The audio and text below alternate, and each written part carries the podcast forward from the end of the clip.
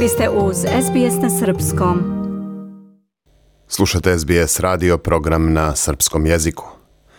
Predizborna kampanja ulazi u završnu fazu.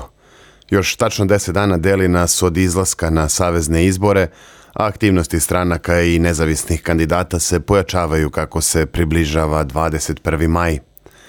Lider savezne opozicije Antoni Albaneze danas je u okviru kampanje boravio u Melbourneu, gde je u naselju Box Hill govorio o ulaganju 2 milijarde dolara u projekat izgradnje kružne prigradske železnice koja bi trebalo da saobraća od Čeltenama preko Box Hilla, severnih predgrađa Melburna i aerodroma, a odatle južno do Veribija.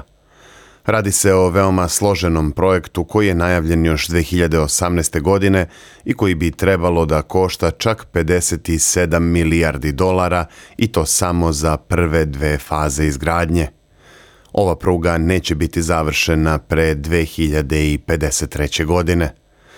Albaneze je tokom posete Melbourneu bio u društvu premijera Viktorije Daniela Andrewsa – U razgovoru s novinarima lider laburista je odgovarao na pitanja koja su pre svega vezana za realni rast plata, za povećanje minimalne zarade, kao i jaz u platama između industrija u kojima dominiraju muškarci u odnosu na one sektore gde su brojnije žene. Albanez je potvrdio da će podržati povećanje plata za više od 5,1 kako bi zarade ne samo išle u korak s rastom inflacije, već kako bi stopa rasta plata bila iznad stope inflacije. Lider laburista je rekao da će, ukoliko bude pobedio na izborima, njegova vlada podneti zahtev Komisiji za pravedne odnose na radu koja utvrđuje povećanje minimalne zarade za zaposlene. People should not go backwards. If you're on the minimum wage, you're struggling to pay your rent. Zarade ljudi ne bi trebalo da idu unazad. Ako je neko na minimalnoj plati, to znači da ima teškoće da plaća kiriju, da obezbedi hranu i da preživljava. Komisija za pravedne odnose na radu to treba da ima na umu kada donosi odluke u minimalnim platama. Trenutno imamo vladu pod kojom je rast plata nizak, što je ključna karakteristika njihove ekonomske politike. To su i sami rekli i to je ono što rade ovih deset godina. Mi imamo plan da podignemo plate i to ćemo i uraditi, kazao je Albaneze. Za to vreme premijer Scott Morrison je obišao izbornu jedinicu Benelong na severozapadu Sidneja, gde je obećao ulaganje 200 miliona dolara u obnovu postojećeg mosta preko reke Paramata – Međutim, Morrison je najduže odgovarao na pitanja u vezi sa kandidatkinjom njegove stranke Catherine Dives, koja se nedavno našla na udaru kritika dela javnosti zbog njenih stavova i komentara o transrodnim osobama.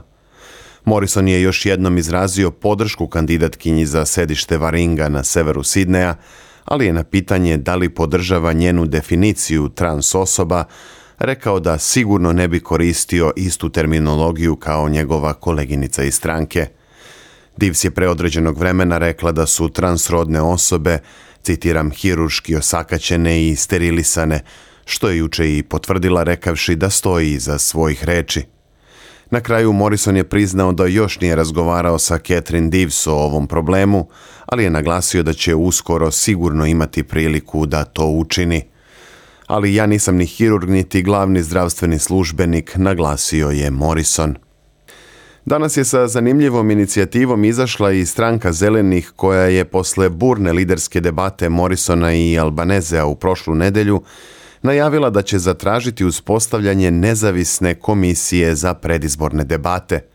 Na taj način zeleni žele da spreče situacije kao one koje su viđene na prethodnoj debati kada su dvojica kandidata za premijera vikali jedan na drugog, upadali u reči i nisu dozvoljavali moderatorki debate da se obrati. Senatorka Sara Young Hanson rekla je za ABC da će zeleni zatražiti uspostavljanje komisije koja će imati kontrolu nad političkim debatama. But it's really to get this out of the hands of political parties. Ovo zaista treba da se izvuče iz ruku političkih partija i političara.